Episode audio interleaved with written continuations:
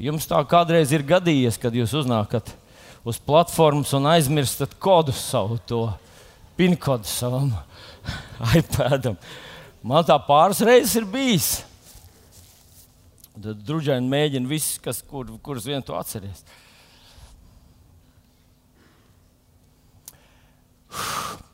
Šorīt ir tāda misijas svētdiena.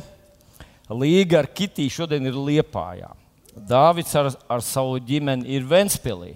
Normons ar, uh, ar Inetu. Jā. Inet vienmēr bija uzticīga Rīgas priekšvēstījumam, bet nu, viņa aizbraukusi līdzi uzticīgi savam vīram. Nav viņš šeit? Jā, jā. Oi, jā. Vai dieniņ, nu es kļūdījos. Normons šodien kalpo cēsīs. Vienlaicīgi trijās vietās mūsu kalpotāji šodien ir aizbraukuši un kalpo. Un es ticu, ka tur būs ļoti jauki un spēcīgi dievkalpojumi. Bet jūs zināt, ka šodien, šorīt ir palmu svētdiena, vai ne? Jums ir līdzi palmu zāri? Vismaz pūpoli ir līdzi. Nav. nu, tas, tas nebija Latvijas gadījums, bet uh, tas bija vairāk tur uz siltajām zemēm, Amerikā. Bet vienā šādā te pūpoles veidienas rītā vai palmas veidienas rītā mazajam Jānītim nu, kakls sāp. Viss ģimene taisās uz dievkalpojumu, un viņam jāpaliek mājās. Nu, atnāca auklīte, lai paliktu ar Jānītu mājās. Un, Nu, tā nu viņi tur pa māju nodzīvoja to rītu. Atbrauc ģimene no dievkalpojuma un visiem rokā pūpoli un palmu zari. Un mazais Jānis saka, kas tas tāds? Un nav redzēts, ka cilvēki no dievkalpojuma atgriežas ar palmu zariem un, un, un pūpoliem. Nu, un teica, kā jau viss uh, visgudrākais šajās lietās skaidroja Jānis, redz, šodien bija palmu svētdiena. Un tā ir tā svētdiena, kad Jēzus iegāja pilsētā un cilvēku palmu zarām no viņa sveicināja, un tur izklāja savus drēbes uz ceļa un tā tālāk. Mazais Jānis saka, vienīgo svētdienu, kad tu neaizies uz dievkalpojumu, un tieši tad viņš ierodās. nu, jā. Viņš tā kā, jā, saprata, ka Jēzus pats bija atbraucis un, un viņš nevarēja viņu satikt. Bet mēs zinām, ka Jēzus vienmēr ir mūsu vidū, vai ne? Jā, un, un uh, gribu atgādināt jums iepriekšējās svētdienas vārdu, kas uh, nu, manā sirdī dzīves un dzīvo. Un tas ir tas, ka mēs esam Dieva bērni Un Dievs mūs mīl un svētī mūs ne, ne tāpēc, ka mēs visu ļoti precīzi un perfekti izdarām, tāpēc, ka ļoti teoloģiski, precīzi un gramatiski lūdzam, vai, vai runājam, vai apliecinām, bet tāpēc, ka Viņš mūs mīl. Amen! Un, un Olīte jau mums atgādināja šorīt, Romiešiem 10, 17. Uh, tu, un tur rakstīts, jūs esat mantinieki tikai tad, ja esat bērni. Ja esam bērni, tad arī mantinieki tur rakstīt. Ja esam bērni, tad jautājums, vai tu esi bērns?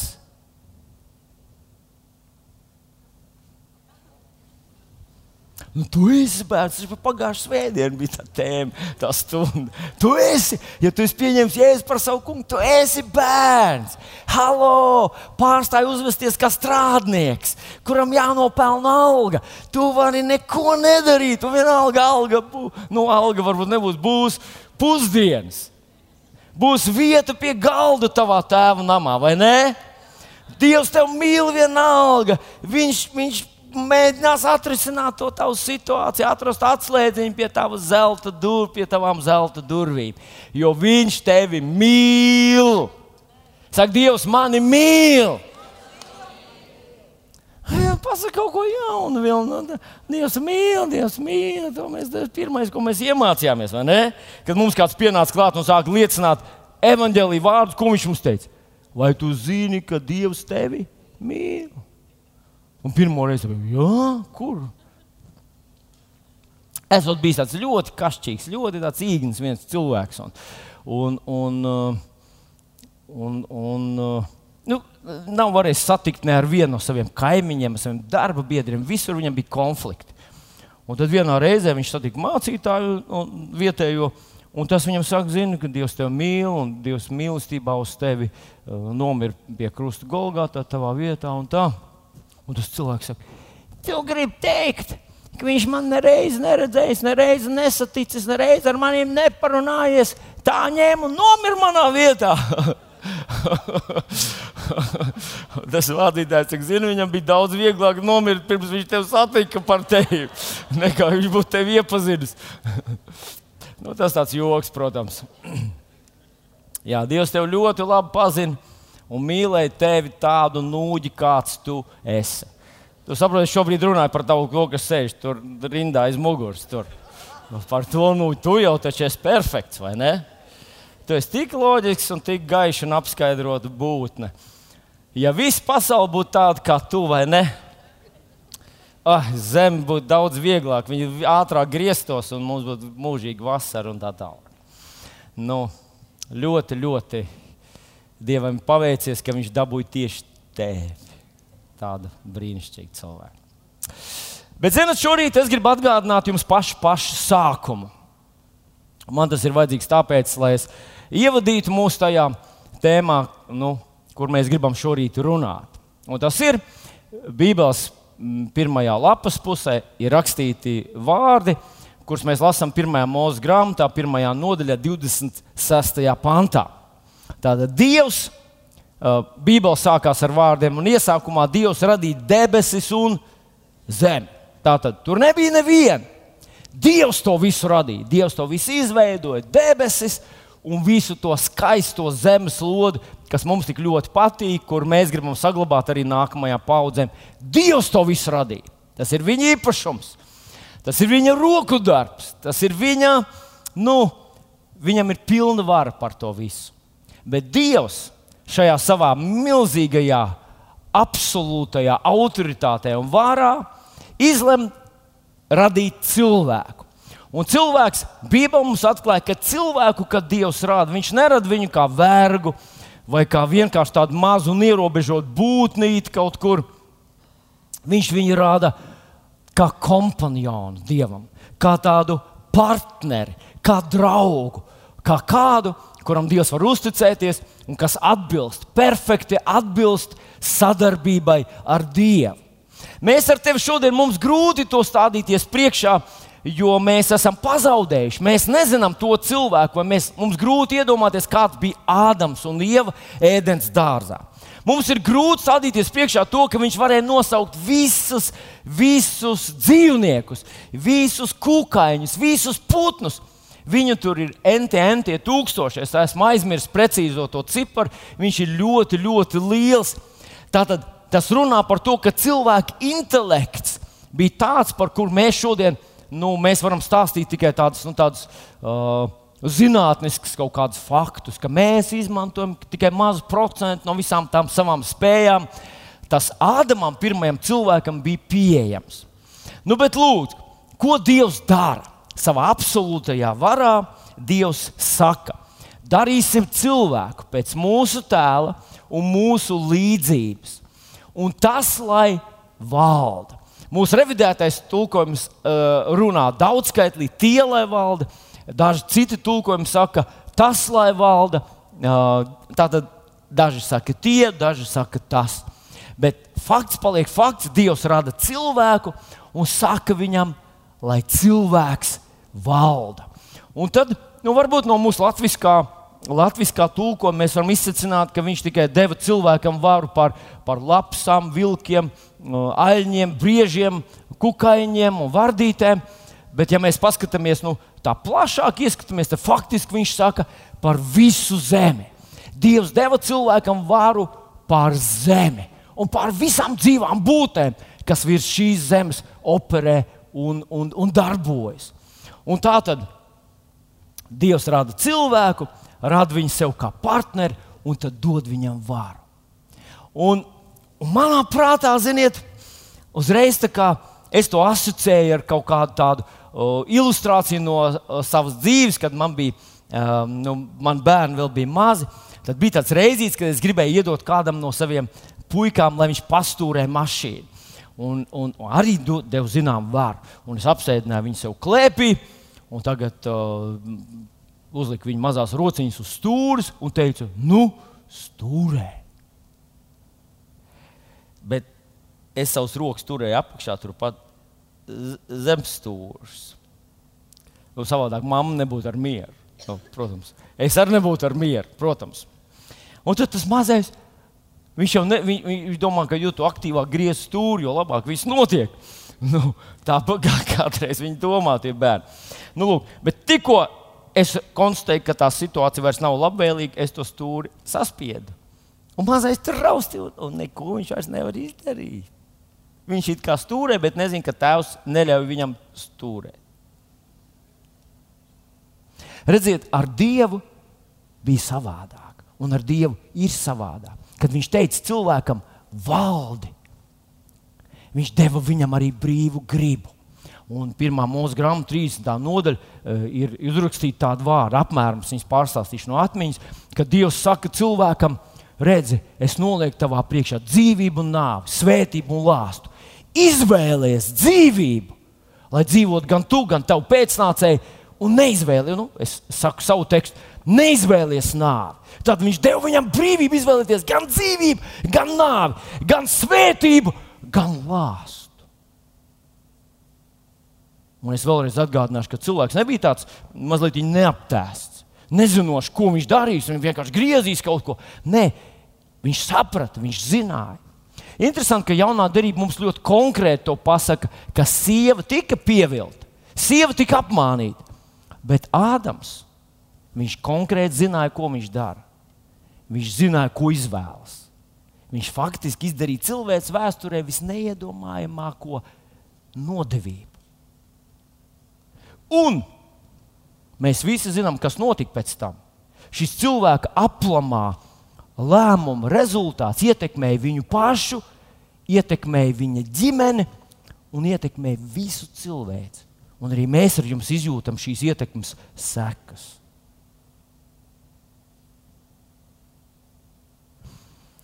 Un ko tu ar to gribi pateikt? Es ar to gribu izteikt, ziniet, draugi, mīļie, tādu sajūtu, kas man ir tāda deja vu sajūta. Un deja vu ir no franču valodas tas burtisks tulkojums jau redzēts. Kaut kas jau redzēts. To pirmo reizi lietoja tāds franču uh, zinātnieks Emīls mm, Boraks. Es viņu asociēju ar Boratu, bet nav Borats, bet Boraks. Emīls Boraks, 19. Uh, gadsimta franču pētnieks un filozofs, pirmo reizi lietoja šo te terminu deja vu. Un tā ir tā īpatnējā savādā sajūta, ka tu sastopies ar kaut ko, kur it kā tu jau esi redzējis, it kā tu jau tur esi bijis. Tas ir kā atcerēties šodienu. Un tieši šī situācija arī ir tā, par ko es gribu šodien ar jums parunāt. Un es ticu, ka Dievs to ir ielicis manā sirdī, lai mēs ar tevi neizdarītu tādas kļūdas, kuras izdarīja Ādams, tagad, kad mēs esam ļoti līdzīgā situācijā. Un tieši šo te, mm, vai, vai tieši šīs, šīs sajūta vai, vai, vai šīs deja vu uh, situāciju mēs redzam, kad mēs lasām apakšu darbu pirmo nodaļu, kur Jēzus runā ar saviem mācekļiem. Viņš viņiem sāk stāstīt par to, ka palieciet Jeruzalemē un jūs dabūsiet spēku, kad svētais gars atnāks.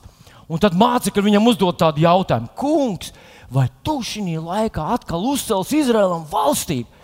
Nu, kāpēc viņi jautāja tādu jautājumu? Nu, tāpēc, ka katru reizi, kad svētais gars atnāca, un atcerieties, svētais gars nonāca par, par uh, Simpsonu. Simpsons bija parasts cilvēks. Viņš bija gariem matiem, viņš bija tā īpatnēji ģērbts, ģērbts. Bet, kad par viņu nonāca svētais gars, tad viņš pēkšņi pārvērtās no tāda parasta cilvēka, viņš pārvērtās par supermenu. Un viņš varēja ar vienu žokļu kaulu nogalināt ar ēzeļa žokli varēja nogalināt un kauties ar tūkstošiem karavīriem, kas bija apbruņoti speciāli nākuši, lai viņus saņemtu gūstā. Un viņš viņus visus noguldīja tur gar zemi. Un kas ir vēl interesanti, mēs tur lasām, ka viņš, nu, acīm redzot, sauli cepināja tik, tik ļoti, Un tas darbs bija tik smags, un mēs zinām, ka kauties ir smagi. Tur dažreiz mūsu boxeri kaujās trīs minūtes, un tad viņi beidz. Tu, tur ir normāli apstākļi. Kā tas būtu, ja tas būtu 40 grādu karstumā? Tātad viņš nogalina tūkstošu savu pretinieku ar to žokļu kaulu. Un tad viņš tur saka, wow, nav ko iedzert, man esmu pārkars, es laikam nomiršu, un viņš sauc uz Dievu. Un no tā paša žokļa kaula atsprāgs ar žokli, un viņš no tā padzerās. Un cik var žokļu kaulā būt ūdens? Nu. Es te redzu, pirmā rindā puisis saka, cik vajag. Jā. Cik vajag? Litrs, divi. nu, man grūti stādīties priekšā. Es domāju, ka tur iznāca varbūt piliens vai divi, nu tā normālos apstākļos. Viņš padzerās, un viņš gūst uzvaru, un viņš aiziet tur kādā citā situācijā svētais gars nonāk par viņu, kad viņš ir sasiets ar baigām, nu, kaut kādām ķēdēm, un viņš tas ķēdes pum, saplēš. Nu, es stāstu tādu, tādu, tādu emocionālu stāstījumu, bet mācekļiem tas viss bija prātā. Kad, eh, kad par veco Eliju, veco Eliju, tas ilgi, neilgi pirms viņa pensija, pirms viņš aizgāja praviešu pensijā. Tur Ākaps ar saviem ratiem traucās. Viņš teica, steidzies uz mājām, un tāda lietus gāzes nāks un Dieva gars nonāk par Elīju, par to veco sirmgalvu. Un tas būtu tas pats, kas pār māsu Lilītu nonāk svētais gars, un viņi teikt, Vilni brauc mājās, un tas krietu man blakus mašīnai. Un te vilnījies, Dievs tev svētī, un es izbraucu tur, žing, no krūmiem izlaižu māsu. Es negribu pasmieties par māsu Lilītu, es vienkārši saku, kad svētais gars nonāca par cilvēku, viņi, viņi vienkārši pēkšņi par viņiem bija tādas spējas, kuras normāli fiziskam cilvēkam vispār nepiemīt. Nu, Dāvids, atcerieties, Dāvids bija arī viņš bija svaidīts Dieva vīrs. Viņš rakstīja dzēju, viņš rakstīja mūziku, viņš nogalināja cilvēkus. Viņš vienā, lai, lai atnestu kaut kādu iepriecinājumu dāvanu savam sievstāvam, atnesa 300 filistiešu priekšādus. Nu, tie, kas nezina, tas tā kā nu, tāds. Um, nu, nu, nu, nu, atnesa tur un, un, un nolika. Jā. Nu, var sakot, tāda, tāda par cilvēku nonāk tāda drosme, tāds spēks, tāda pārliecība, ka viņš vienkārši neapturams. Un visur, visur vecajā derībā, kur mēs lasām par kādu cilvēku nonāca Dieva gars, viņš vienkārši pārvērtās. Un tagad, ja Jēzus saka, nāks svētais gars pār jums visiem, tiem večiem atkārās žoklis, un viņi saka, kungs, vai tagad tas notiks? Ziniet, ko tas nozīmē? Tas, nu, jūs, jūs zināt, ir tas pasakiņa par tiem, par tiem Andri, tu, tavu mīļākā filma par to. Uh, nu, Tiem mazajiem, kur, kur iedzer to dzērienu, tad viņi un kļūst. Nu. Nu? Asterix un Obelix ir pareizi. Ah, tā bija tā mīļākā filma. Pareizi. Paldies. Asterix un Obelix. Ja. Nu, kaut kas līdzīgs. Roma bija iekarojusi visu, visu Palestīnu, visu Izraēlu. Un tagad Jēzus saka šiem 12 puišiem, par jums nāks svētais gars. Un viņi iedomājās, ja viens Simpsons varēja tūkstošu nogalināt, kas notiks ar mums 12, ka par mums visiem nāks? Un tad viņi jautā, kungs, tagad tas un tagad tu uzcels Izraēlam atkal valstību? Un tad paklausieties tos vārdus, kurus Jēzus viņam atbild. Viņi uzrakstīja 7. un 8. pāns. Un viņš saka tā, Nav jūsu daļa zināt laikus vai brīžus, ko Tēvs nolicis savā paša varā. Tātad viņš saka, ka Dievs nav visu varu iedevis jums, bet ir kaut kas, ko viņš ir paturējis sev. Un kādā citā vietā mēs lasām, ka ir, ir lietas, kuras nezina ne dēls, ne eņģeļi. Neviens nezina nu, teiksim, par to, kad, kad tieši nāks. Bet tēvs to nolicis savā paša varā. Tātad, ko viņš te saka, ir lietas, kuras pieder Dievam, un par tām mums nav nekādas noteikšanas. Ir lietas, kuras Dievs nav devis nevienam pasaulē. Ir lietas, kuras viņš ir paturējis tikai sev. Bet, un šeit, jaunajā tulkojumā, tur nav punkts. Tātad, nav jūsu daļa zināt laiks vai brīdis, ko tēvs nolicis savā paša varā. Punkts, tur nav punkts, tur ir komats. Jo nākušais ir saiklis, bet kas saista divas vienlīdzīgas teikuma daļas. Un šis saiklis, bet turpina to domu. Tātad jums nav varas par to, kas dieva, kas ir tikai dieva varā. Bet jūs dabūsiet spēku, un būsiet man liecinieki, kā Jeruzalemē, Jūdejā un Samarijā līdz pat pašam pasaules galam. Ko viņš saka šeit faktiski? Viņš saka, ir lietas, kuras Dievs ir paturējis sev, bet ir lietas, par kurām viņš ir deleģējis pilnvaru un atbildību jums.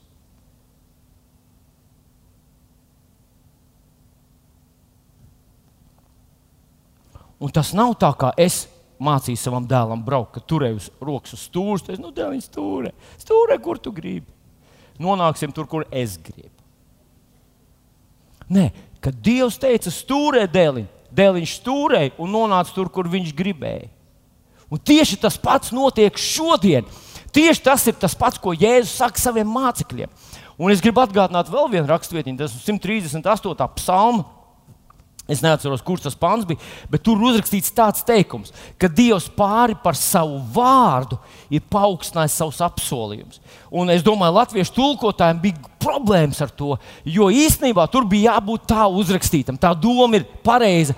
Es viņu izteikšu citiem vārdiem, bet viņi ir pareizi, un tā doma ir tāda, ka pāri sev Dievs ir pacēlis savu vārdu pāri savai absolūtai, pilnīgajai dieva varai darīt, kā viņš grib. Viņš pacēla savu vārdu. Tas nozīmē, ka mēs zinām, kā Dievs rīkosies. Kā viņš rīkosies? Tā kā viņš ir pateicis. Viņš nevar rīkoties savādāk. Kāpēc? Viņš brīvprātīgi to tā izlēma. Ja viņš pateica kaut ko, tad tas tā ir. Un, ja viņš teica, ir lietas, kuras ir dieva ziņā, bet ir lietas, kuras ir tavā atbildībā un tavas pilnvaras. Un skatieties, nu, tieksim, šī konkrētā lieta, evanģēlijas sludināšana vai būt par lieciniekiem kungam Jēzum Kristum. Mēs to lasām apstuļu darbos, apstuļu darbos, desmitajā nodaļā. Mēs lasām to stāstu par Kornēliju. Kornelijs. Atcerieties, bija romiešu virsnieks Kornelijs. Bet viņš nebija vienkārši romiešu virsnieks Kornelijs. Par viņu uzrakstīts, ka viņš bija ļoti dievbijīgs. Un viņš darīja labus darbus, viņš deva uh, daudz, palīdzēja cilvēkiem, deva labas dāvanas, deva žēlsirdības dāvanas cilvēkiem, un viņš lūdza Dievu. Un esmu pārliecināts, ka viņš sauc uz Dievu un lūdz Dievs parāda man, atklāja man, kā es pagānu iekarotāju virsnieks, kā es varu atrast savu glābšanas ceļu. Un tad tur uzrakstīts, šī desmitā nodaļa sākās ar stāstu par Korneliju, ka vienā dienā, un tur burtiski uzrakstīts, cikos, pulkstenis deviņos, Kornelija skaidri redz, ka viņa dzīvoklī ienāk eņģelis. Ienāk eņģelis pie viņa un saka, Kornelija, vai jūs kādreiz ir eņģelis uzrunājis vārdā? Tas nemaz nebija vajadzīgs. Kad manā dzīvoklī ienāk eņģelis, viņš man kaut ko saka. Es klausos, man acis ir tā kā apakštasīts. Es pat nemaz nevaru, ja šobrīd nevaru tādus uztaisīt. Visas manas rievas, cik man sejā ir un pierē, tas viss uzreiz saspringst. Eņģelis ienāk un kaut ko saka. Viņš no vidus vienkārši teikt, ej ārā, novāc kurpes, um, lasi Bībeli vai lūdzu, vai vienalga, ko viņš arī nepateikt. Es būtu šitāds. Bet tas eņģelis ienāk pie viņa un saka, Kornēlija! Tas kā manā gadījumā, eņģelis ienāk manā istabā un saka, Vilni! Kā būtu tavā gadījumā jāsaka? Andri! Nu, ne tavā gadījumā, bet es runāju par Andri. Ienāk, saka, Andri! Un tu saproti, ka tas nav vienkārši kaut kas, tas ir konkrēti kaut kas man. Un paklausieties, ko tas eņģelis viņam saka. Tas eņģelis viņam saka, ej, sūti uz Jopi. Jopi nav lamuvārds, tas ir viena apdzīvota vieta, tur netālu no Telavīvas. E, sūti uz Jopi un attaicini Pēteri, kuram pievārds ir Sīmans. Un zinot, ko Sīmans, mēs zinām, viņš, viņš, pat, e, nu, viņš pat skolu nav kārtīgi beidzis. Viņš saka, lai atnāk tas Pēters. Un mēs zinām, ka Pēters, ko Pēters Un es pie sevis domāju, paklausieties, es ceru, ka jūs arī domājat tāpat. Eņģelis saka, lai Kornēlijs pasauc Pēteri, lai Pēters pasakā viņam evaņģēliju. Man būtu līdzies, ja es būtu Dievs, personīgi, ja es būtu Dievs, es būtu teicis, ko mēs tur iesaistīsim, to Pēteri, un tad ejam sazini, ko viņš tur un kā viņš tur. Tur jau tur esi. Tu jau pateici, Kornelija, Kornelijas tev jau redz. Viņš jau saprot, ka tu esi eņģēlis, tu esi no Dieva atnācis. Paturpini vēl pāris teikumus, izstāst viņam evaņģēlī. Jūs piekrītat man? Vai jūs gribētu dzirdēt labāk evaņģēlīju no eņģeļa mutes vai no Pētera mutes? Pēters atnāk, viņš pēc, ja Pēters ir sēdēt mūsu zālē, mēs domājam, laikam zivs tiek apakšā vārītas, nu, kafejnīcā. Viņš bija vienkārši cilvēks, zvejnieks, visu mūžu viņa pavadījis laivā un zivis vācot, nesot, viņas matīrot un graizot un tā tālāk. Viņš viss smirdēja pēc zivīm. Un tā vietā, lai eņģelis pats pastāstītu viņam evaņģēlīju vēstu, viņš saka, lai uzaicina Pēteru, lai Pēters pastāstītu. Kāpēc? Vienkārši tāpēc, ka viņš pirms tam bija teicis, Jēzus bija teicis, ka jūsu daļa nav zināt to, kas Dieva atbildībā un to, kas Dieva varā, bet jūsu uzdevums ir pasludināt evaņģēlīju. Un to vairs izmainīt nevarēja. Bija bezjēdzīgi teikt, eņģeli pastāst, Jēzus pastāst man, Jēzus atnāca, Jēzus sūta eņģeli kādam. Ir bezjēdzīgi to darīt, jo viņš teica, ka evaņģēlījis ir jāsludina kam? Mums ar tevi. Iebiks lūdzu tam, kurš sēž tev blakus. Un atcerieties, 138. psalms. Viņš šos savus vārdus pacēla pāri sev. Tas nozīmē, ka to nevar izmainīt vairs. To nevar, ta, tas nav atsevišķos gadījumos tikai strādā. Nē, tas tā ir un viss. Mīļie draugi, gribu vēl vienu raksturvietiņu jums parādīt, un es ticu, ka tā ir kaut kāda ļoti ļoti zīmīga raksturvieta. Tā ir no Eveziešu vēstures 3. nodaļas 20. pāns. Es paņēmu jaunā tulkojumā, jo pa, iepriekšējā svētdienā mēs ļoti jūsmojām par šo pantu. Ko tad viņš mums te saka? Bet Dievam, kas darbojamies mūsos ar savu spēku, spēj darīt neizmērojami vairāk, kā mēs nojaušam vai lūdzam. Nu, man ļoti arī patīk šis pāns. Viņš tā kā tāds ultimatīvs saka, ka tas, ko tu un es esam piedzīvojuši, ir mazums, ir sākums. Tas vēl nav viss. Hei, nenomierinies, neatslāpsti, neiemiedz. Tas vēl nav viss. Tas tā kā es nezinu, varbūt tas neiedarās īsti dievkalpojumā, tāda, tāda, tāds salīdzinājums, bet pieņemsim to aiziet uz kādu ļoti godalgotu filmu un tu tagad apsēdies krēslā un sākās titri. Režisors, skaņu režisors, kostīm mākslinieks, un, un tu skaties, un tur stāties. Un, un tie saraksti ir bezjēdzīgi. Vienai mazai 15 minūšu garai filmai ir paraksts kā, nu, kā 30, 40 cilvēki, kas tur ir iesaistīti. Ja tas ir nu, kaut kāds liels gabals, tad tur vispār tur izlasīt vesels romāns, lai izlasītu visus dalībniekus. Un tas ir tas, kas notiek ar tevi un mani. Mēs šobrīd no filmas esam redzējuši tikai titrus, tikai dalībnieku sarakstu. Mēs jau sakām, kāda forša filma. Un kas tur vēl bija? Skaņas celiņa tīrītājs. Dievs, kurš ar savu spēku darbojamies jūsos, spēj darīt neizmērojami vairāk neizmērojami vairāk, kā mēs nojaušam vai lūdzam. Bet ievēro kādu vienu zīmīgu lietu, ko mēs te redzam. Darbojamies mūsos. Mēs viņam esam vajadzīgi. Viņš nedarbojas kaut kur ārpusē, kaut kā, kā mēs kādreiz domājam, kad tu tā stāv un skaties, pum, krīt dievu uguns tur. Viņš izmanto mūs. Caur mums mēs esam tie, kas varam ierobežot Dievu, un mēs esam tie, kas varam atvērt viņam rokas. Viņš mūca. Oh. Dievs neko šajā pasaulē nevar izdarīt bez cilvēka vairs. Tāds laiks. Un tavā dzīvē, kā tu lūdz, Dievs dara, Dievs ej, Dievs brauc, Dievs nāc, Dievs! Viņš saka, es darīšu to caur tevi.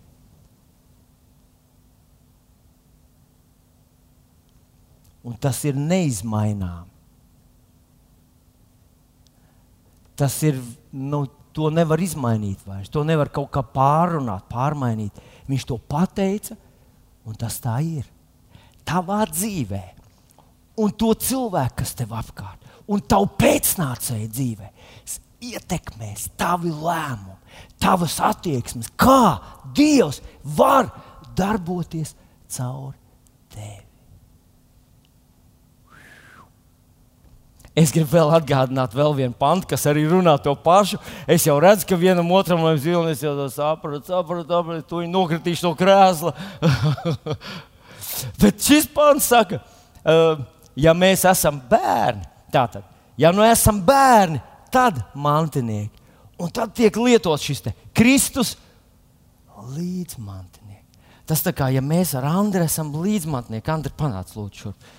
Mēs, mēs esam līdziepašnieki kaut kam. Es nevaru viens neko izdarīt. Man vajag, lai Andris piekrīt. Es nevaru uzrīkot svētkus. Man vajag, lai arī Andris grib, lai svētki ir. Es nevaru viens radīt vasaru. Nu, ja, nu, nē. Es, man vajag, lai arī Andris grib to darīt. Un Andris saka, nē, es gribu, es gribu rudeni. Rudenī ir tik tumšs un mierīgi, viss ir tik vislīņāks. Un es esmu tāds vasaras cilvēks. Tas ir tas, ko Dievs mums cenšas pateikt.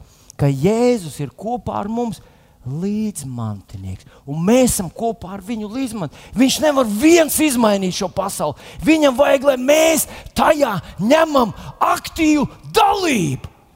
Un ja mēs ar tevi esam nūģi, ja mēs ar tevi. Oh, es, es jau nezinu, es, es laikam nevaru. Es laikam nevarēšu to, es jau man tas nav dots, un es vispār nesaprotu tās. Es... Priekš kam tas viss? Tad tas arī nevar notikt. Līdzmantinieki. Un paldies tev. Paklausieties, draugi. Šodien es gribu atgādināt trīs lietas, trīs zīmīgas, kritiskas lietas, kuras Dievs ir uzticējis mums.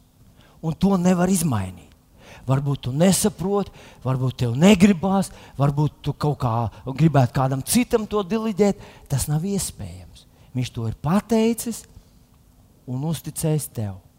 Un no tavas un manas attieksmes notiks tas, kas, kas būs. Pirmkārt, viņš mums ir uzticējis pilnvaras un atbildību sludināt evaņģēliju. Tas ir mums uzticēts. Eņģeļi to nedarīs. Dievs no debesīm to nedarīs. To nedarīs neviens cits. Tas ir jādara cilvēkiem. Cilvēkiem kā tu un es. Bet es gribu, lai tu ievēro tādas vairākas lietas, kas ir aprakstītas tajos pantos, kas te ir uzrakstīts. Nu, piemēram, Mateja 28, 18, 19. Tur uzrakstīts, kas? Tur uzrakstīts Jēzus vārdu, kur viņš saka, tā, man ir dota visa vara debesīs un virs zemes. Tāpēc ejiet un dariet par mācekļiem visas tautas, kristītam tēva, dēla un svētā gara vārdu. Redz, kad viņš mūs sūta darīt cilvēkus par mācekļiem, viņš saka, viņš runā par varas pozīciju. Tas nav mūsu stāstījums, kuru mēs gribam izplatīt šajā pasaulē. Tas nav kaut kas, ko mēs atceramies, un mums patīk, un, un, un mums liekas simpātiski. Nē, tas ir Dieva paša uh, spēku un varu saturošs stāsts. Mateja evanģēlijā, 10. nodaļā, 7. pāns, saka tā, bet ejot, sludiniet un sakiet, debesu valstība tuvu pie jums ir atnākusi. Tas tā kā debesu valstības teritorija izplatās. Un visur, kur es atnācis, pasludinu evaņģēlīju. Pieņemsim, es atnāku pie skolotāja Sigits. Un viņa tāda priecīga, un izglītota, un jauna, un smukiņa, un viss viņai liekas jauki, bet viņa nezina evaņģēlīju pienācis pie viņas, un tajā mirklī, kad es viņai stāstu par Jēzu Kristu, kurš ir nomiris par tevi Golgātā, ka Dievs tevi ļoti mīl, Viņš paņēma visus tavus grēkus, lai Viņš varētu tevi svētīt. Un viņš nogāja LE, un viņš bija LE tik ilgi, kamēr samaksāja visu tavu sodu. Kad es viņai to stāstu, debesu valstības avangards, debesu valstības spēks, debesu valstības tanki un, un raķetes pienākuši pie viņas. Un te ir cīņa par Sigita dvēseli. Nevis vienkārši par to, vai viņa mazā skolotāja noticēs man, vai viņa pievienosies draudzītēm, vai arī nāk šeit un sēdēs. Te ir runa un cīņa par Sigita dzīvību, par viņas mūžību un par tiem, kas viņai pēc tam sekos. Tas ir tas, ko Jēzus saka. Sakiet, debesu valstība ir tuvu klāt pienāks. Un tad viņš saka, dziediniet slimus, šķīstiet spitālīgus, uzmodiniet mirušus, izdzeniet ļaunus garus. Citiem vārdiem, tad, kad tu pasludini evaņģēliju, tajā vietā ir atnācis tāds Dieva spēks, ka tu vari, ka, ka, ka Dievs grib, Dievs vēlas, Dievs uh, uh, augst pēc tā, lai tas spēks tiek demonstrēts. Un tad ir briesmīgi, ja mēs ar tevi, nē, nu, nu, tu jau kā gribi, nu, tu, es jau nezinu, jā, es jau tāds mazs, un, un es vienkārši pastāstīju savus domas un tā tālāk. Nu, ja mēs sajūtamies tā, it kā mēs savu kaut kādu mazo stāstīņu, savu mazo dzīves pieredzi kādam dalāmies. Viņš runā par to, ka eņģeļi nav pilnvaroti to aiznest, bet tu un es, mēs esam man ir dota visa vara debesīs un virs zemes. Tāpēc ej tu un pasludini, un tas nemainīsies. Neviens cits nevar atraisīt Dieva spēku lai izglābtu cilvēku, izrautu viņu no elles, no nāves, no lāsta, no atkarībām, no šaupierības, no egoisma, no dumpja. Neviens eņģelis to nevar izdarīt. To nevar izdarīt neviens apgaismots stars kaut kur tur, mistiskā veidā Dievs uzrunā. Ja cilvēks viņam to nepastāst.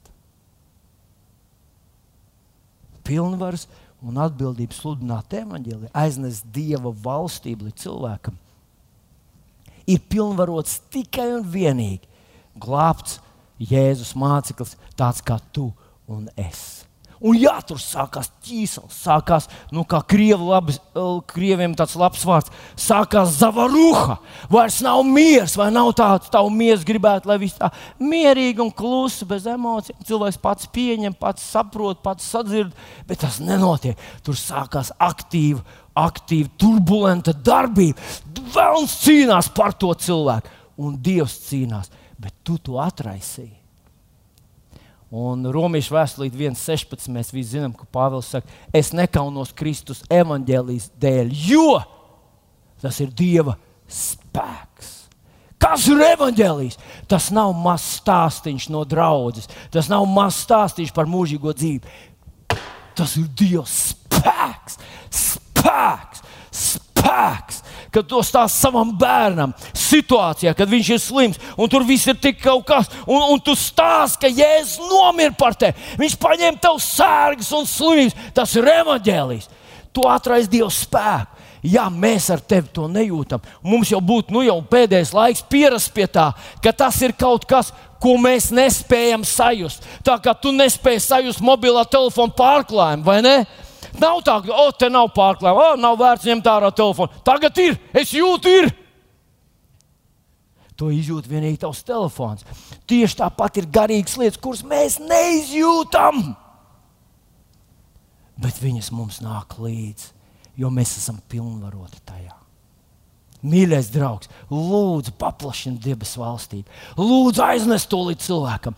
Nekautrējies no sevis. Ja eņģelis nekautrējās no Pētera, kurš atnāca, lai Kornēlijam, mm, e, mm, erudītam, izglītotam, romietim pastāstītu evaņģēlīju vēstu, Dievs nekautrējas no tevis. Un, lai gan tu nespēji to pasniegt tā kā eņģelis, tas ir gana labi. Tas ir gana labi lai cilvēks to satvertu un to atraisītu Dieva spēku par viņu. Tātad pirm, pirmā lieta, ko Dievs ir deleģējis tev, ir pilnvaras un atbildību sludināt. Mīļie draugi, tie, kas jūs uh, skatāties mani tur tiešsaistē, vai varbūt skatāties savā ekrānā, Dievs jums ir deleģējis šīs pilnvaras. Un eņģelis to nevar izdarīt. Gribētu, bet nevar. Jo šīs pilnvaras un tā vara ir dota jums. Izmantojiet to lūdzu. Lūdzu, lūdzu, izmantojiet to jums. Atraisiet šo Dieva spēku par cilvēkiem. Otra lieta, ko gribu šorīt jums atgādināt, ko Dievs ir deleģējis mums, tā kā Viņš sākumā deleģēja Ādamam varu pār pasauli, varu izdzīt dēmonus. Es esmu dzirdējis, ka cilvēki lūdz Dievam, lai viņš izdzen, lai viņš atbrīvo, lai viņš paglābi. Dievs, atbrīvo mani, Dievs izdzen to tumsu, nostājies pretī tai tumsai, Dievs saisti viņu. Bet Jākap 4, 7 ir teikts, padodieties Dievam, stājieties pretī vēlnam, un viņš bēgs no jums. Paklausieties, draugi! Ja tur ir uzrakstīts Jēzus vārdi, ka mums ar tevi jānostājas pretī vēlnam, Tas nozīmē, ka neviens cits viņam pretī nenostāsies. Nav eņģelis, bezjēdzīgi sūtīt eņģeļus tur, bezjēdzīgi sūtīt to kungu tur, bezjēdzīgi lūgt dievam, lai viņš to izdara. Ja viņš teica, ka to darīs tu, par to atbild tu. Bet ievērojiet, ka Jēkab 4, 7 viņš saka, ka stājieties pretī vēlnam, un viņš bēgs. Pirms viņš bēg, ir kaut kāds pretim stāvēšanas laiks ir kaut kāds laiks, kad tu nejūti savu spēku. Bet viņš ir. Es kādreiz, tā panāca mazliet, es kādreiz stāstīju par, par uh, savu grupas biedru, kad mācījos medicīnas skolā. Bija tāds puisis, Oskars, un mums ar viņu bija tāds paradums spiesties ar rokām. Un, un mēs, mēs tad, tad uh, sa, uh, sasveicinājāmies, un tad sākās. Un neviens nelaid vaļā. Un mēs spiedām, un viņš bija tāds lauka puisis ar lielu roku liela tāda, nu, ne, nesaukšu to par ķetnu. Viņš bija strādājis ilgi, smagus lauku darbus no, no Rēzeknas. Viņš bija kaut kur no Latvijas. Un mēs piedāvājamies, piedāvājamies. Un brīžiem man bija tāds sajūta, ka tu viņu nokrakšķēs man tā roka. Bet es to neizrādīju. Es smaidīju un te. Un, protams, brīvajā laikā es mājās strādāju, responderu un gatavojos, pagaidiet, pagaidiet, gatavojos tai tikšanās reizē. Un tad atkal Oskars nāk priekšā, mēs vienā dienā atkal sasveicinamies, un atkal mēs nevaram, kurš padosies. Un zināt, kas ir interesanti? Oskars arī bija uzzinājis šo te, uh, taktiku, un viņš arī smaida un spiež, un mēs abi smaidām. Un...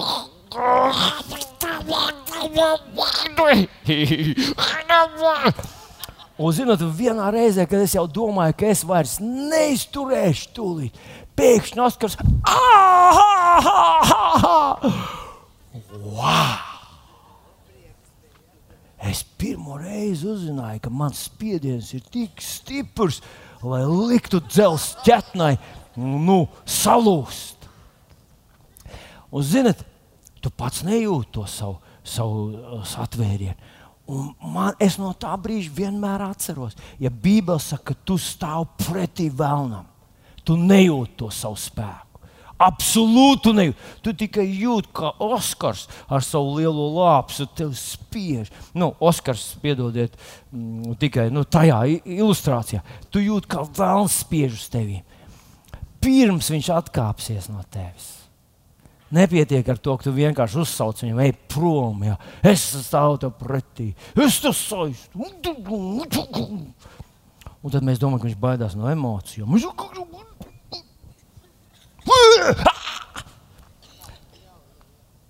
Suns, īsts suns nebaidās pat no kliēkšanas, spiekšanas un visu kaut ko, kur nu vēl vēlams. Bet Bībele mums saka, ka tā ir mūsu atbildība stāvēt viņam pretī. Viņš bēgs no tevis. Matei 10.1 ir uzrakstīts, sasauc savus 12 mācekļus. Viņš tiem deva varu pār nešķīstiem gariem tos izdzīt. Es esmu centies stādīties priekšā, kā tie mācekļi viens pēc otra sanāk pie Jēzus, un tad es, es ieraugu sevi. Man ir tik svarīgi, lai es to saprastu, lai tā būtu daļa no manas atklāsmes, kā arī man. Viņš deva šo varu izdzīt dēmonu. Un tu saki, kāda jēga dzīt, ja mēs neredzam viņus. Es esmu redzējis vīrs naglo, naglo sētu un trāpa pa pirkstu ar āmuru. Prom! Tā nav īstā reize, kad dzīt prom sāta. Bet zinat, ko es esmu pamanījis? Tāda interesanta, ir tādas pazīmes. Ja kaut kas aiziet, es domāju, ka slimība aiziet un nāk atpakaļ. Aiziet un nāk atpakaļ. Aiziet un nāk atpakaļ. Dažreiz pat bez, bez, kaut kāda tur, bez kaut kāda redzama iemesla. Dažreiz doktori vienkārši saka, tev, mēs nezinām, mēs nezinām, kas te ir. Mēs nevaram atrast nekādu iemeslu. Man ļoti lielā mērā ir aizdoms, kas ir demonisks uzbrukums. Un zinot, kas vēl pavada demoniskus uzbrukumus? Ļoti zīmīga lieta, kas raksturo viņu klātbūtni - bailes. Bailes! Vēlams nāk ar savu baiļu sindromu. Un pēc bailēm viņš var darīt to, ko viņš grib. Ja tu padodies bailēm, tas ir kā ticība ar mīnuszīmi. Un tad ir tas mirklis, kad tu apzinājies, ka nevienam citam tas nav jādara. Neviens cits neizdarīs to. Tev ir jādara. Tev ir dota tā vara stāvēt pretī, izdzīt dēmonus, un tu viņam saki, es tevi nepieņemu, es salauzu tavu varu, un es, es uh, saistu, es nepieņemu tavas lietas, es nepieņemu tavas diagnozes. Ja es teicu, ka viņš ir nācis, lai, lai dotu dzīvību un dzīves pārpilnību, bet viņš teica, ko ir nācis darīt vēlns, viņš ir nācis žņaukt, no, uh, nokaut un nomaitāt. Viss, kas tevi nogalina, viss, kas tev cenšas atņemt tavu dzīvesprieku, atņemt tavu mieru, atņemt tavu prieku, tas ir no vēlna. Un nebūs tu nebūsi kļūdījies, ja tu nostāsies viņam pretī. Un nebaidīsies no pretim stāvēšanas. Kad viņš tev saka, tas man, uz maniem neiedarbojās, tev pretim stāvēšana. Tu saki, redzēsim, un saki, Jēzus vārdu, es nepieņemu tavu slimību, nepieņemu tavu uzbrukumu, nepieņemu tavu diagnozi, nepieņemu šo situāciju. Tu nekontrolēsi man dzīvi. Un nav obligāti jākliedz. Tu vari to darīt mierīgi un klusi, bet tu to dari ticībā. Jēzus vārdā. Tev tas ir deleģēts. Tev tas ir deleģēts. Tev tas ir deleģēts. Un ja tu to nedarīsi, neviens cits to neizdarīs. Un tad Marka Evanģelijas 16. nodaļa, 17. pāns. Un šīs zīmes ticīgiem ieslīdz, mēs jau šorīt viņu pieminējām. Uh, uh, manā vārdā tie ļauns gars izdzīs. Aizmirst. Manā vārdā ir ļauns gars izdzīs. Jaunām mēlēm runās, tie ar rokām pacels čūskas, un kad tie dzers nāvīgas zāles, tās tiem nekaities. Neveseliem viņi rokas uzliks, un tie kļūs veseli. Bet pirmā lieta, pirmā lieta, kur katrā situācijā, kurā tu ieej, ir, tur ir demoniska pretdarbība. Visur, kur tu arī neiet, ir demoniska pretdarbība. Un neviens cits nevar šo demonisko pretdarbību apstādināt kā tu. Šīs zīmes Tiem ticīgiem ieslīdz manā vārdā, tie ir ļaunas gars, izdzīs. Mīļais draugs, tu esi pilnvarots, tev ir vara padzīt šos ļaunos gars. Un tu varbūt nejūtīsi starpību uzreiz, bet pienāks laiks, kad tu sajutīsi, ka ir baiļu klātbūtne, un tu tai pavēlēji aiziet. Un tā aizgāja. Un, ziniet, ir, ir burtiski, burtiski ir Es vismaz to esmu kādreiz burtiski sajūtis, ka bailes ir tā tāds lietuvēns, kas tev uzgāzies virsū un spiež, un tu pavēlēji tam aiziet. Un tu nejūti kā, bet lēnām, un tas aizgāja prom. Un nav vairs bailes. Nav vairs bailes. Varbūt tu uzreiz nerūd, neredz visus simptomus, bet bailes ir atkāpušās. Tas mums ar tevi ir jādara. Un trešā pēdējā lieta, ko es gribu šorīt jums atgādināt. Un es centīšos to ļoti kompakti nu, atgādināt, jo, jo tā ir viena no varenākajām un svarīgākajām lietām, ko šī pasaulē neviens neviens nevar izdarīt. Ebrejiem 11.6 rakstīts, ka bez ticības nevar dievam patikt. Un mēs īstenībā, tu un es, mēs dieva bērni esam vienīgie visā pasaulē, kuriem ir spēks, kur Bībele sauc par spēku, kuram nav līdzīgi. Un tas ir ticības spēks. Tev ir pilnvars un atbildība lietot ticību. Ticība ir kaut kas, kā mēs lasām ebrejiem 11. Um, pirmajā ticība ir pārliecība par lietām, kuras nav redzamas, par kuras visi citi cilvēki brīnās. Viņi saka, situācija ir pilnīgi pretēji, bet tu esi pārliecināts, ka ir tā, ir kā, kā Dievs teica. kā Dievs teica. Jo viņš savu vārdu pacēla sev pāri, un viņš kādā citā vietiņā saka, nekad to, iz, kas iznāca pār manām lūpām, es to nemainīšu. Tātad, 1. pētera 5, 8, 9. Kas tur rakstīts? Esiet um, modrīgi, esiet nomodā, jūs pretinieks vēlams staigā apkārt kā lauva rūgdams. Tam turieties pretī stipri, ticībā. Es nepateicu precīzi no galvas, bet, bet uh, doma konkrēti. Tātad esiet nomodā. Jūs pretinieks vēlaties staigāt apkārt. Dažreiz mēs domājam, ka mēs vien paši dzenam bumbu uz tukšiem vārtiem, un mums skrien, un viss, kas tev jāizdara, ir nu, nepazaudēt bumbu. Bet Bībele mums saka, ka tev ir pretinieks.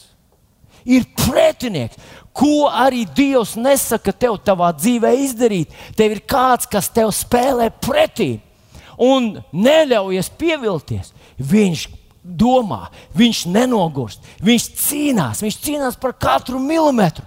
Un vienīgais veids, kā tu vari viņam likt atkāpties, ir dzīvojot ticībā ticībā. Ticība ir tava pozitīva reakcija uz Dieva vārdu. Ja tu to nelieto, ja tu esi vienkārši ticīgs cilvēks, kurš svētdien bija dievkalpojumā, un tad aizgāja mājās, un tu nevienam neko sliktu nedari, un tu esi centies maksāt nodokļus, cik var, nu, tad nu, tu nu, vispār esi labs cilvēks. Tu papīrīšu zemē nemet vai ne, un šķiro atkritumus pareizi. Nu, tam nav nekā kopīga ar tavu uzvaru. Ievēro, kad Jēzus staigāja trīs ar pus gadus starp cilvēkiem līdzīgiem kā tu un es. Manuprāt, viņš nekad nepārmet, ka viņi par maz ir lūguši, par maz lasījuši, ka viņi ir pārāk uh, nu, nesvēti. Visur, kur viņš pārmet vienu vienīgu lietu, viņš viņiem teica, mazticīgs, neticīgs un, un, un nu, Ticība bija tas jautājums, ko viņš vienmēr viņiem pārmet. Un zini, kāpēc Vēlams grib nozagt tev ticību? Kāpēc viņš tev grib vienkārši par, padarīt par tādu talantīgu puisi, kurš dzied par debesīm un jēzu? Tāpēc, ka ticība ir reāli tas spēks, kas ietekmē šo pasauli. Atcerieties, kas ir pasaules uzvarētājs? Tikai tas, kas tic, ka Jēzus Kristus ir Dieva tēls. Tikai tas, kas lieto šo spēku. Kad Jēzus runāja par ticību, viņš runāja par ticību kā par spēku, kas kalnus var noslaucīt no ceļa un iemest jūrā. Viņš runāja to kā par reālu spēku. Jā, bet es nejūtu, es ticēju veselu nedēļu, nekas nenotika. Nu, ar ticību ir tā, draugi ka tu to sāc ticēt un vairs nebeidz nekad. Nav atpakaļceļa. Nav tādas normālas, parastās cilvēka dzīves. Kad kristietis atkāpjas parastajā, ikdienišķajā, mīsīgajā dzīvē, tas kļūst skumjš stāsts.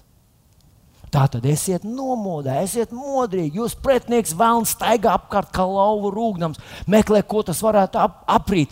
Tam stāvat pretī stipri ticībā. Ko tad viņš aprīt? Tos, kas vienkārši ir labi cilvēki.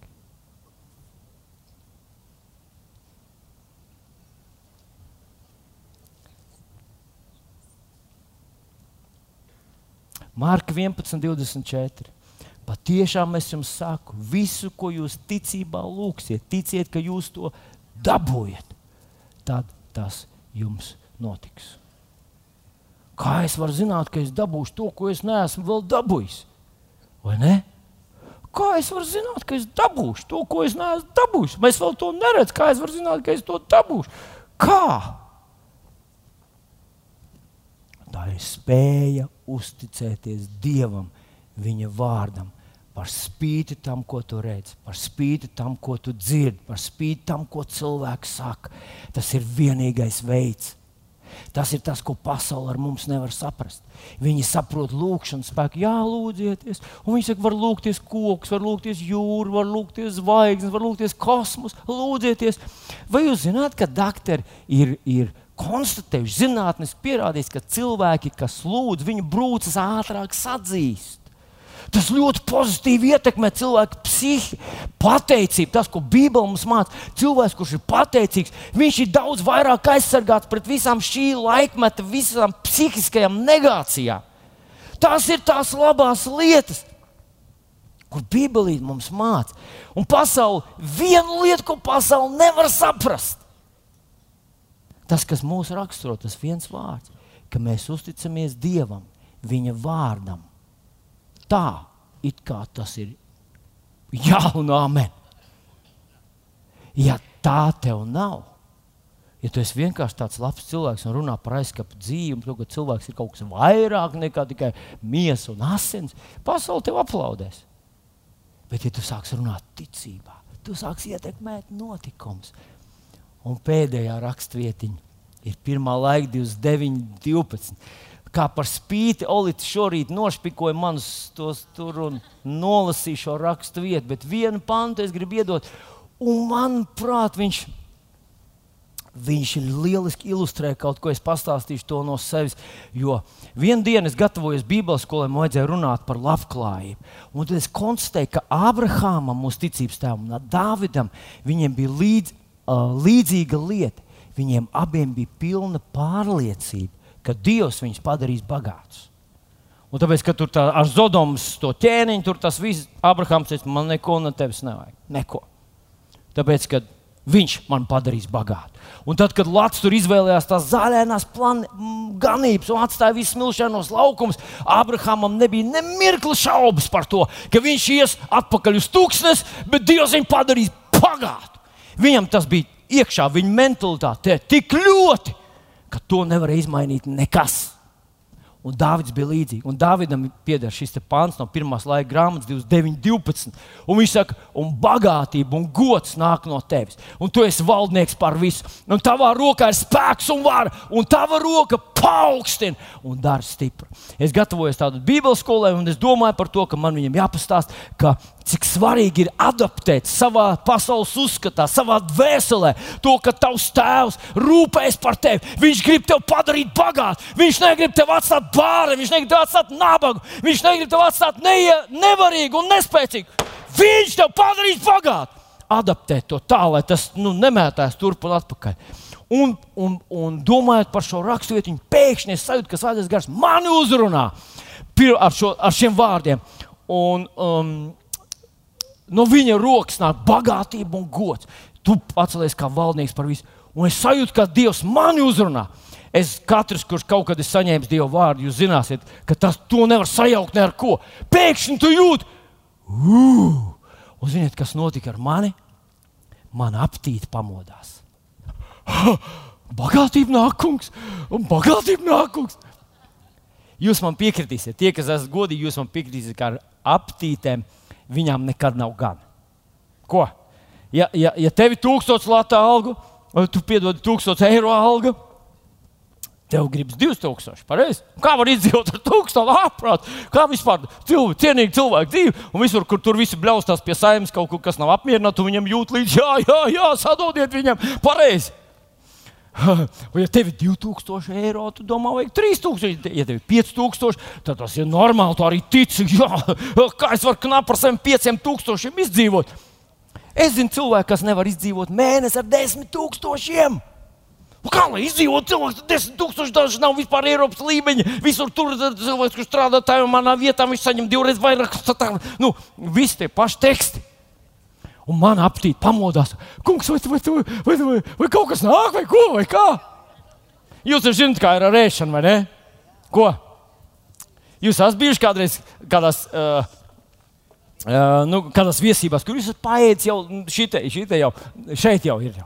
Un tad uh, namā saka, bet vai jūs gribēsiet pagaršot? Man te vēl ir tāda īpaša, tāda, tādas pankūciņas ar kaut kā tur, nu, es nezinu, kas tev garšo, bet kaut kas ar putkrēmu un, un zemeņu mērcīt, un tur vēl kaut kas tur. Un, un tev jau, nu, skalojās jau drusciņā, bet, bet tava apetīte saka, ko?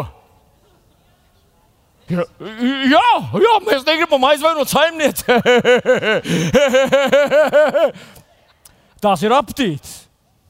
Nu, ar laiku mēs iemācāmies viņus kontrolēt. Kad tev viss, viss, jā, oh, sorry, jā. Un tad es, man aptīti pamodās, un es saku, kungs, kas notiek, ko, ko tu gribi? Jā, vispār es varu iedomāties vēl visādas lietiņas, ko varētu nopirkt un tā tālāk. Es esmu redzējis, večiem ir viss kaut kas. Redziet, mēs kā grēks sūdzēsim, sarunāsim, jūs to nevienu neteiksiet. Labi? Un pēkšņi svētais gars man uzrunāja tādiem vārdiem. Nē. Nē, viņš pateica, nē, un es zināju, ka oh. tas ir vienkārši kompass.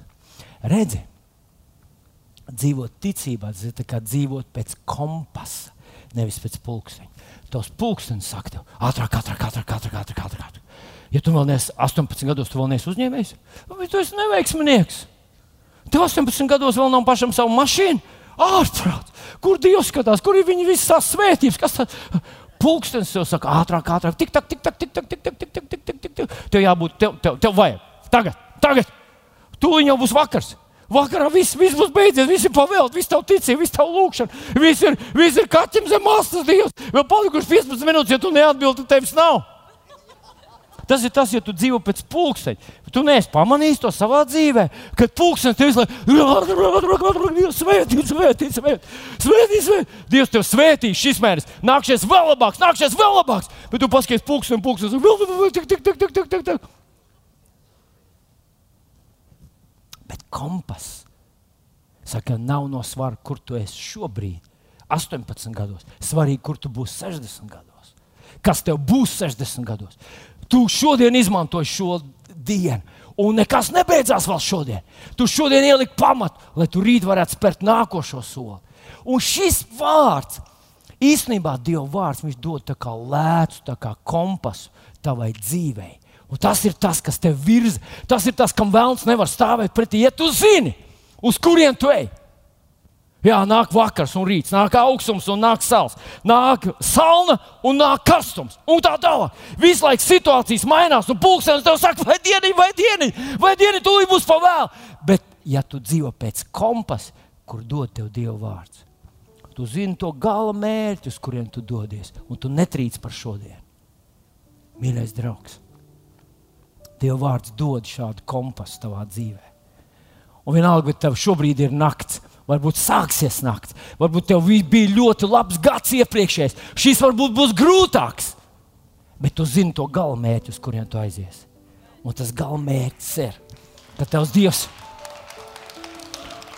tas galamērķis ir, kur vēlams tev grib nozagt un grib, lai tu dzīvo pēc šīs dienas, uzreiz, tagad, tagad. Bet Dievs saka, es tevi svētīšu. Un šis Dievs uzrunāja man ar šo pāntu no 1. laika, 29, 12. Un bagātība un gods nāk no viņa. Un viņš paceļas kā valdītājs par visu. Un viņa rokā ir spēks un vara.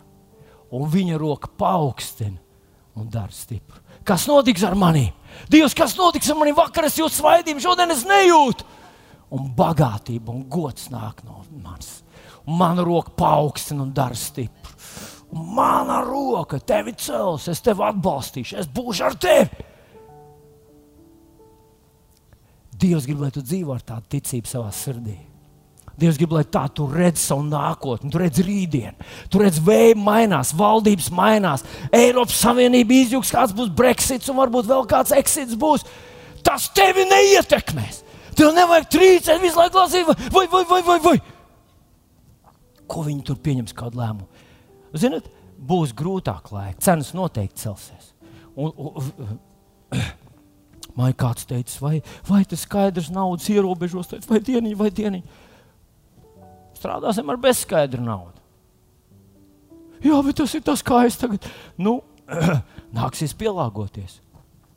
Mana pārliecība ir, ka Dievam ir atbilde uz katru situāciju.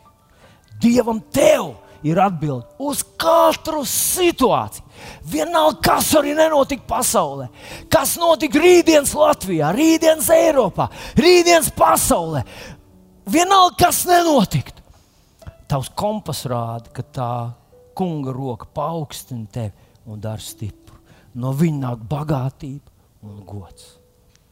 Lieto to, runā to, priecājies par to, pateicies par to svini to. Ziedo to, kad tu ziedo, neskatās, vai, vai cik man tur vēl palika. Nu, es negribu sevi piesaukt vienmēr, bet, Bet tas ir tas, kā es ziedoju.